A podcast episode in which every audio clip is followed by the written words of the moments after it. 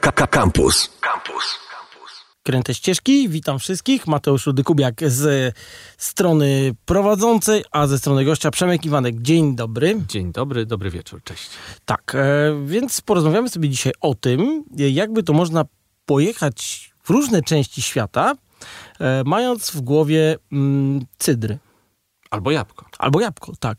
Jednocześnie e, na wstępie chciałem powiedzieć, że nie promujemy tutaj e, picia alkoholu, ale pewną tradycję i pewien sposób pozyskiwania płodów rolnych i co z tych płodów rolnych można potem wycisnąć. No i kultura oczywiście, kultura. Przede wszystkim kultura. Dobra, zaczęliśmy o, o, o jabłku i pierwsze pytanie, które padnie tak czy siak i mnie ludzie o to pytają. Polska jabłkiem stoi, mamy Grujec, Górę Kalwarię i te wszystkie okolice zasadzone sadami, w sensie za, za, zapchane. I dlaczego nie jesteśmy potentatem, który rządzi w Europie e, branżą cydrową i nie mamy cydru, nie wiem, Kościuszko, Mickiewicz i tak dalej?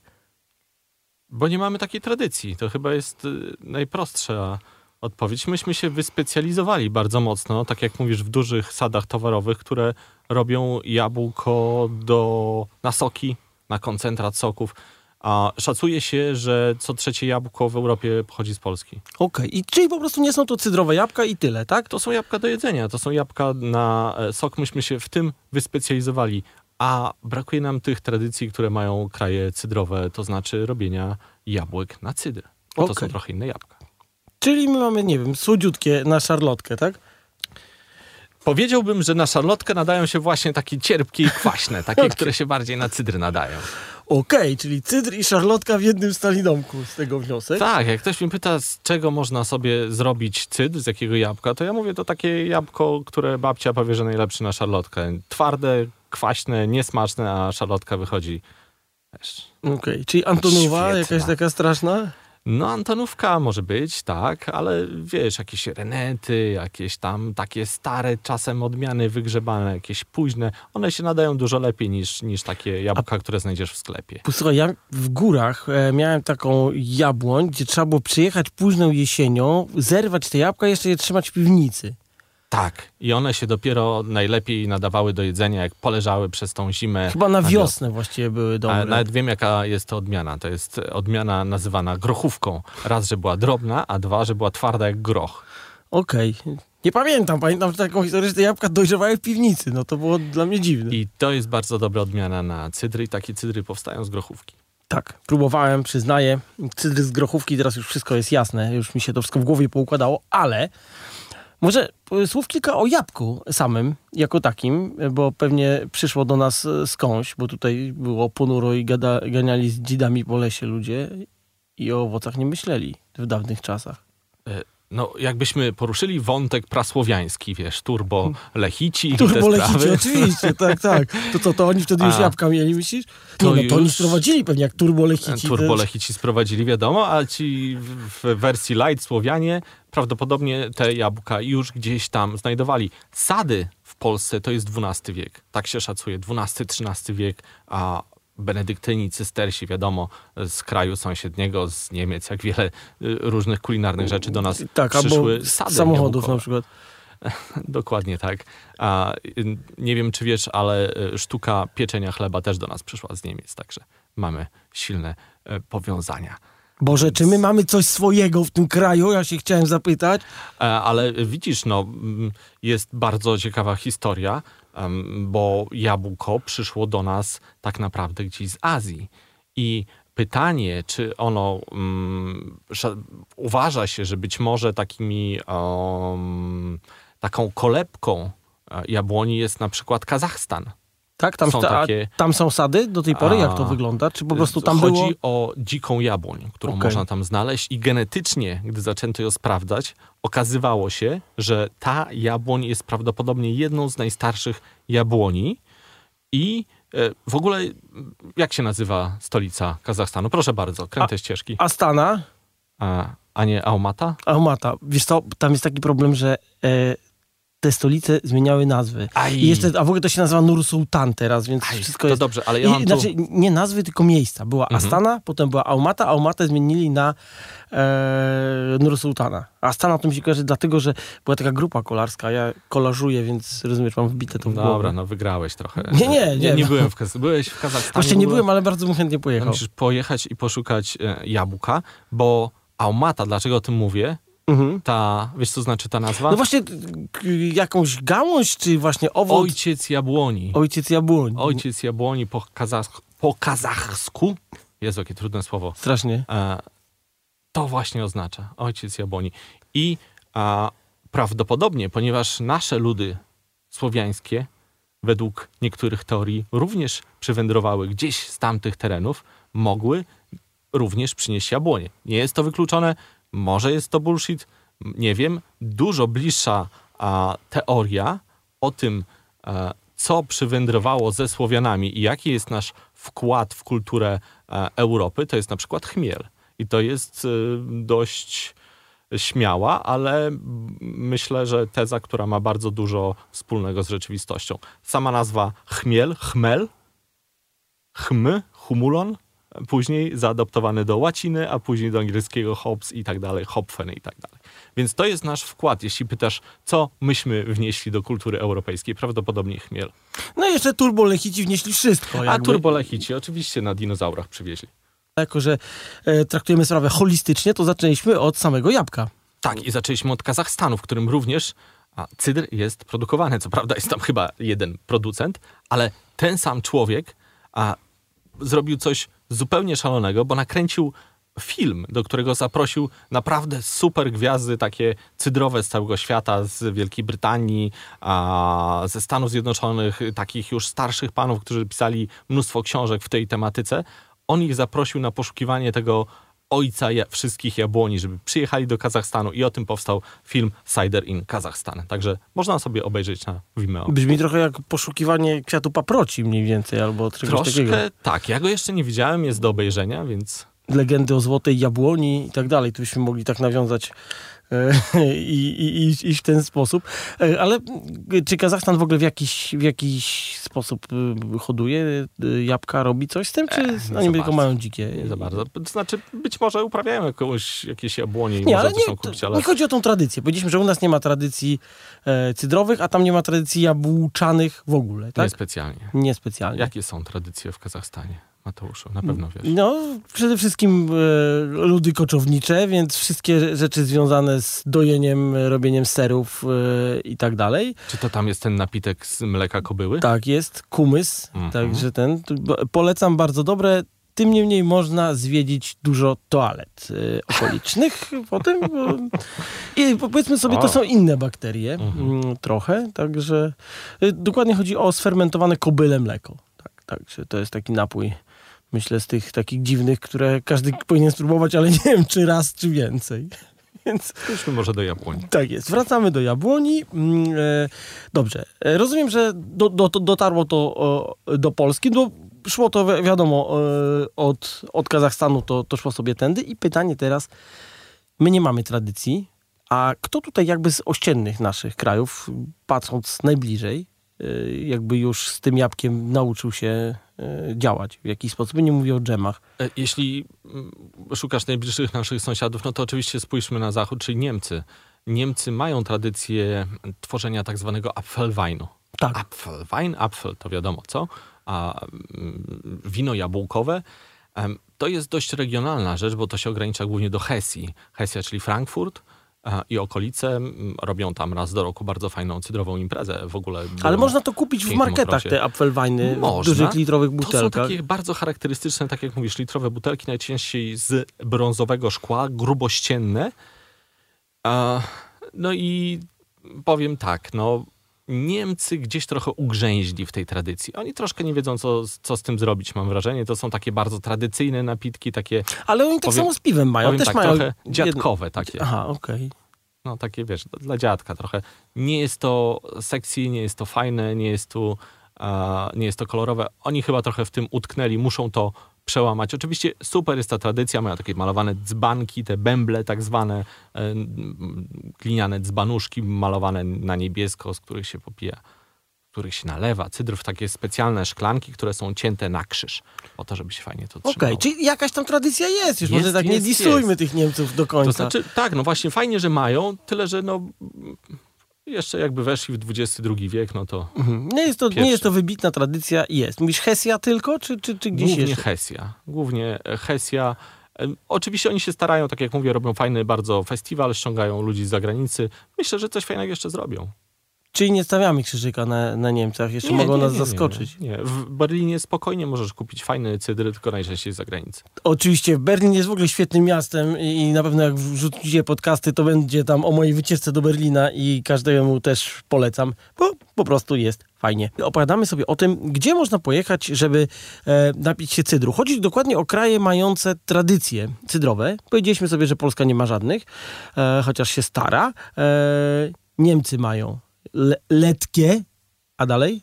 To ja jeszcze powiem troszkę o Polsce, wiesz, troszkę wrócę na Aha, czy jednak Polska ma jakieś tradycje? Znaczy, ma tradycję, mamy przerwane tradycje, bo jeśli y, zerkniesz sobie do jakichś średniowiecznych annałów, no to znajdziesz tam przepisy na tak zwanego a, jabłecznika, bo kiedyś jabłecznik to nie była szarlotka, tylko kiedyś jabłecznik to było coś, co się spożywało w płynie, więc y, możesz tam gdzieś u Morsztyna napisać, że on y, woli wina oczywiście jako Morsztyn. Wiadomo, on wolał wina jakieś zagraniczne. niż tu- Węgrzyna we. Węgrzyna wolał niż tu pić jakiś tam ten jabłecznik, co tam pleb sobie popijał.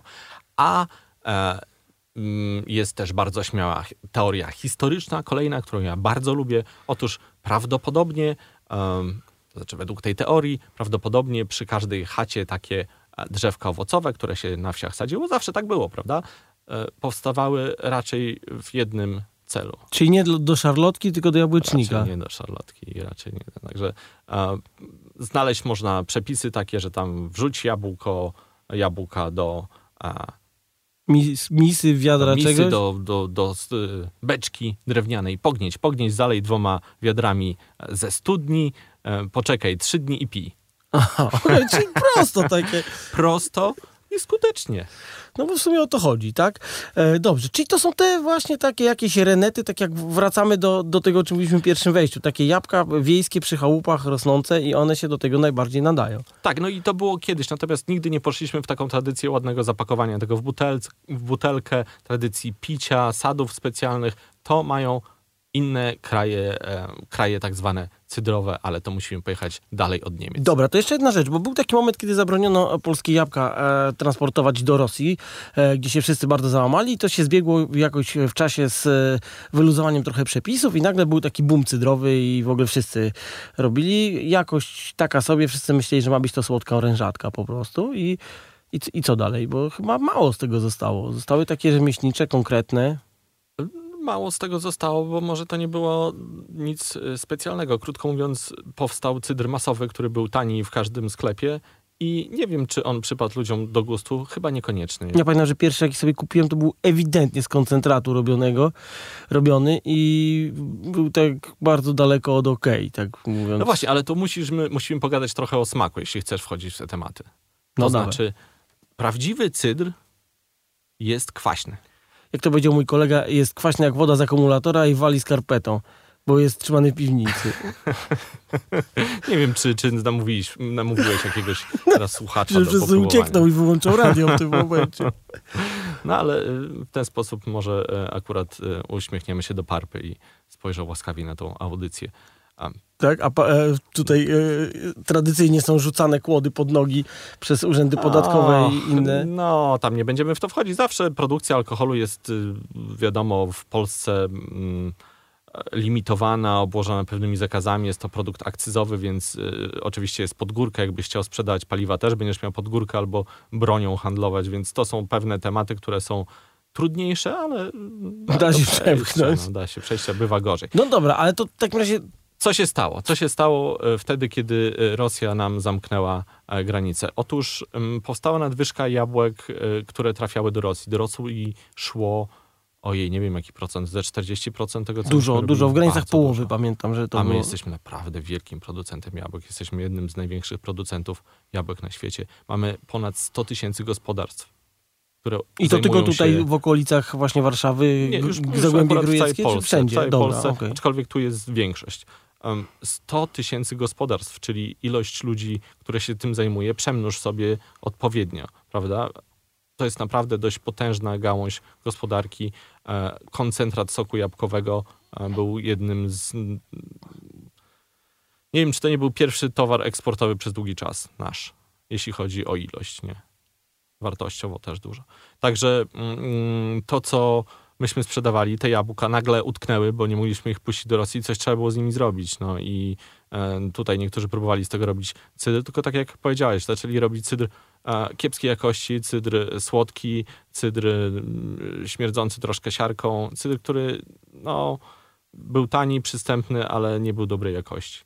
Ja, e, eksplorując troszkę te tradycje cydrowe, skłaniam się do rzeczy takich prawdziwych, naturalnych, wysokiej jakości, robionych, że tak powiem, po bożemu, nie z jakiegoś koncentratu, nie byle szybciej, tylko wiesz, porządną metodą z dobrych jabłek, a tak jak należy. Leżakuje się to często długi czas i wtedy powstaje naprawdę bardzo fajny produkt, podobnie jak z winem. Można kupić tanie wino, można kupić wino porządne. Ale tanie wino jest dobre, bo jest tanie i dobre, a tani cydr y, jest taki sobie. Ja wiem, że to jest radio studenckie, ale kiedyś studenci przestaną być studentami. i- I zaczną pić porządne rzeczy. Tak, i Ale y, rozumiem, że są w Polsce producenci teraz y, w różnych częściach e, kraju, tak? Y, tacy rzemieślniczy bardziej i można coś trafić. Jak najbardziej. Ja sam troszkę zaczynam działać w tym kierunku, ale nie będę o tym się chwalił. Jak ktoś zechce, to się dowie. W każdym razie e, tak powstaje, powstają nowie, nowe cydrownie,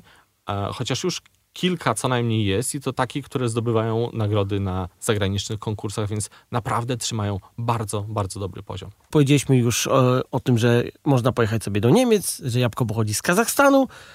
Trochę Być inne. może. Być może, tak, nie, to są teorie oczywiście, ale e, w Polsce też są miejsca, gdzie powstają ciekawe rzeczy. Można jeździć sobie po Polsce, po prostu patrząc na, na cydrową mapę i wybierać ciekawe miejsca, gdzie powstają ciekawe, e, ciekawe cydry w ciekawych okolicznościach przyrody. Dokładnie, jest coś takiego jak enoturystyka, czyli e, zwiedzanie miejsc, w których powstaje wino i podążanie jakimiś szlakami. Powstają jakieś szlaki, nie wiem, winnic dolnośląskich, jakichś tam innych. Bardzo fajna sprawa, uważam, że to są e, zawsze super rzeczy i powolutku też takie rzeczy będą się tworzyły w Polsce, już powstają. E, Jest na przykład na Mazurach jedna bardzo e, fajna, bardzo znana cydrownia z agroturystyką, bardziej agroturystyka z cydrownią. Którzy tworzą tam, Marcin Wiechowski tworzy tam naprawdę naturalne, świetnej jakości cydry. Oczywiście wspomniałeś Mazowsze, tutaj nasze, Grujecczyzna, największy sad Europy. Tutaj także są producenci, raz do roku na przykład e, w Ignacowie jest e, taka wieś Ignaców, powstaje to tam nawet też tak, tak, jest taka nazwa też Tak. e, w cydrowym świecie. tak, Co, coś mi mówi. Tam powstaje cydr mm, i raz do roku robią świetną imprezę, gdzie można przyjechać do sadu, zobaczyć jak to wygląda, tam popróbować na miejscu, posiedzieć, pogadać, No to chyba właśnie jest jabłko. to, o co chodzi, tak? Że kupić jedziesz i próbujesz sobie cydru w sadzie, tak? Siedzisz sobie obok tych jabłek, nie wiem w jakim to etapie, czy akurat one kwitną, czy tam już są ten, Mhm. ale po prostu to jest ten klimat chyba, w którym to powinno się e, próbować, tak? Oczywiście, wiesz, jest to super przyjemne, zwłaszcza, że mm, te wsie na Grujecczyźnie, jak pewnie przejeżdżałeś, albo któryś z naszych słuchaczy przejeżdżał przez te mm, grujeckie sady, podgrujeckie, to tam w każdą stronę po prostu się ciągnie sad. Wąziutkie uliczki, e, wsie nie są tradycyjną wsią polską, Właśnie. czyli chałupa za chałupą, jest, tylko jest po prostu jeden wielki sad, a od czasu do czasu możesz wjechać e, w ten sad i tam jest, ktoś ma pośrodku sadu chałupę. tylko że ta chałupa to jest trochę wygląda jak e, połączenie chałupy, składu, fabryki i jeszcze parkingu ciężarówek. Dokładnie Najczęściej. tak, bo często są przechowalnie gdzieś, ale y, słuchaj, czy to nie jest świetne mieszkać sobie po prostu w środku sadu? To jest wspaniałe, ja bym to zrobił od razu, jutro najchętniej. Także w takich klimatach można sobie e, pojechać chociażby do Ignacowa. Nie wszystkie cydrowie mają taką super sytuację, że mają e, własny sad jakiś i ładny i miejsce do pokazania.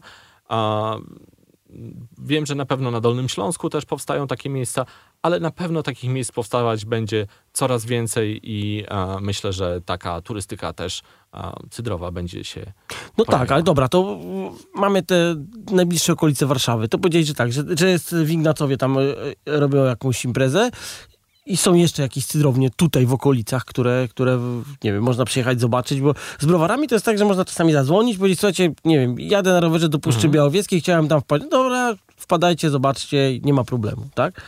Y, A tutaj czy w okolicach mamy jakieś takie jeszcze No właśnie, miejsca? Nie, nie za bardzo. To znaczy, e, produkuje się tu cydry, ale nie wszyscy mają e, ładne miejsce do zwiedzania. Czasem jest to gdzieś jakaś hala po prostu w innym miejscu. Wiesz, e, e, jabłka są stąd, a hala jest tutaj. E, Nie zawsze jest tam co pokazać. Może coś się będzie jeszcze e, rozwijać, na pewno tak, ale tutaj w tym momencie na Mazowszu trochę jest cienko. No prawda też jest Słuchaj, taka. to jest abstrakcja jakaś, bo mamy największe sady no, i nie mamy y, turystyki y, cydrowej. No dobrze, dobrze, tylko Mateusz, jeszcze muszę, nie powiedziałem może jednej bardzo ważnej No. rzeczy. To znaczy, ile tych jest cydrowni takich rzemieślniczych a, wysokiej To się ja jakości? się powinienem zapytać to, a y, zrobił się Ja antywywiad. myślę, widzi- widzisz moje dłonie teraz. Widzę. Wy nie widzicie, Mateusz widzi. Ile ja palce wszystkie, palców? palce wszystkie, także Palce wszystkie, mniej więcej tyle. tyle jest... Naprawdę y, producentów cydrów dobrej jakości jest 10-15 miejsc. Powstają nowe, ale tego jest naprawdę niedużo. Część jest przy winnicach, na przykład winnica Wieliczka. E, polecam, tam też powstają cydry. Bardzo fajne miejsce. Mm, na Aha, Beskid Wyspowy. O. Beskid Wyspowy, tam też można pojechać i tam też powstają cydry, także Smykan na przykład, albo Mówiliśmy o okolicach e, po- podkrakowskich, tam po- powstają też winnice i, i w ogóle odkryto, że nagle na tych południowych stokach to może się coś fajnego dziać. E, Ale powiedziałeś o Beskidzie Wyspowym, który jest dość też ciekawym, bo to są takie góry trochę jak wulkany, przypominające takie samotne, niepołączone pasmami. I co tam się prawda, dzieje? To prawda. I niby takie nie za wysokie, ale tak naprawdę troszkę, troszkę się można tam namęczyć i jak się jedzie samochodem, to spaść też można. Tak, i ten, bardzo polecam tam te, te fajne widoki takich właśnie jakby wulkanów samotnych, to, to, to jest świetne.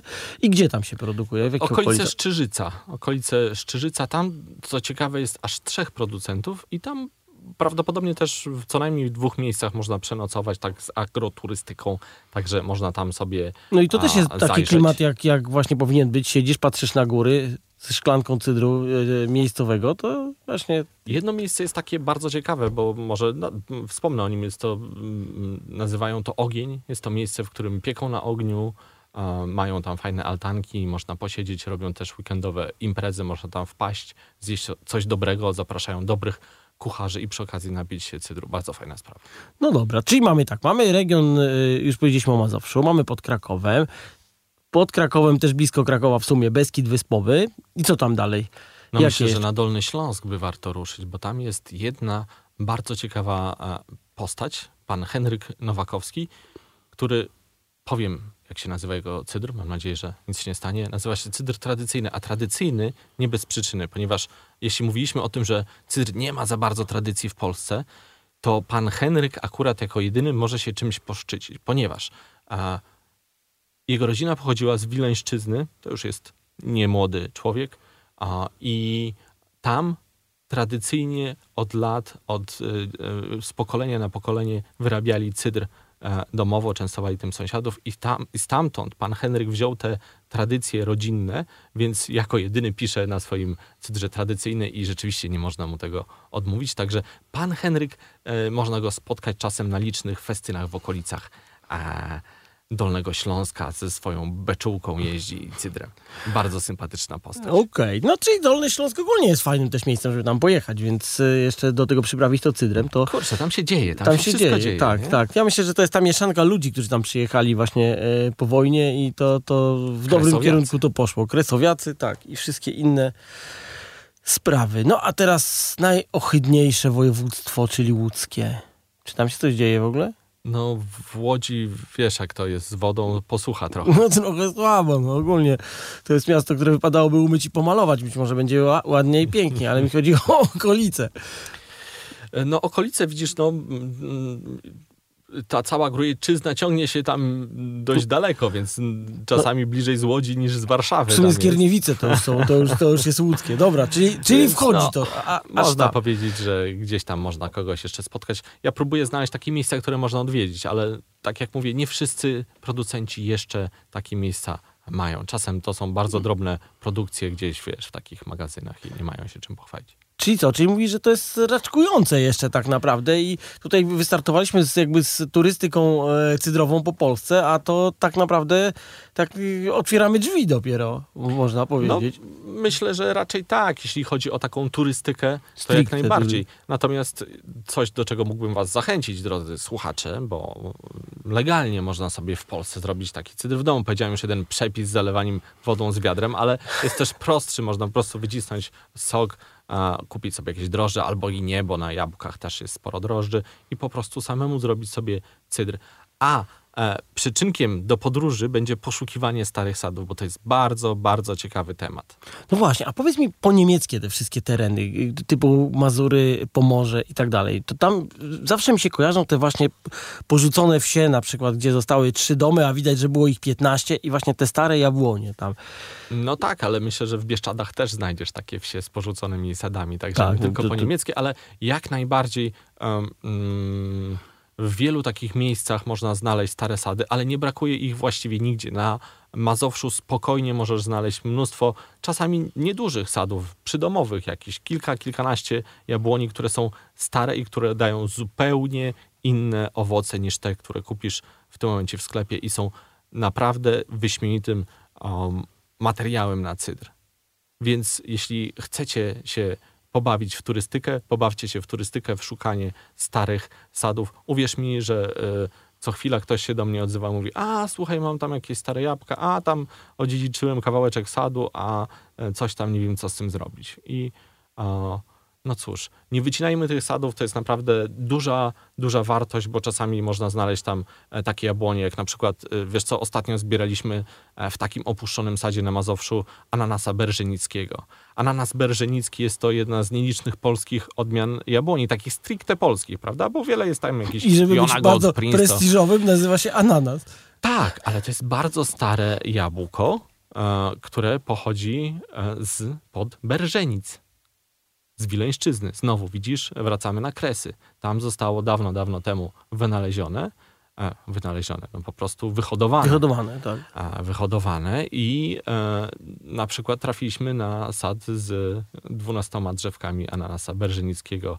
Olbrzymie drzewa, takie sześciometrowe, nie wiadomo jak to pozdejmować, należałoby je troszkę e, przyciąć, prawda, bo żeby, żeby się dało to zbierać, bo dojrzewają te owoce najładniej na samej górze. Także tak, no ananas berżynicki, piękna też nasza historia, prawda, krąselka też jest stare jabłko. Czyli to, z turystyki e, cydrowej doszliśmy do turystyki w poszukiwaniu starych jabłoni. Wsiąść na rower, przejechać się po wsi e, okolicznej i zobaczyć, czy nie ma jakiegoś starego sadu. No dobrze. No to tyle mm, w takim razie. E, od razu zapowiadam, że spotkamy się raz jeszcze, opowiedzieć sobie o e, tym, gdzie w, Euro, gdzie w Europie możemy sobie pojechać do krajów z tradycją cydrową, e, mniejszą, większą, ale też one się trochę różnią od siebie, w zależności od kraju. Dziękuję. Gościem e, był Przemek Iwanek, Dziękuję bardzo. a to były Kręte Ścieżki. Do usłyszenia. Pa! Słuchaj Radio Campus, gdziekolwiek jesteś. Wejdź na www.radiocampus.fm.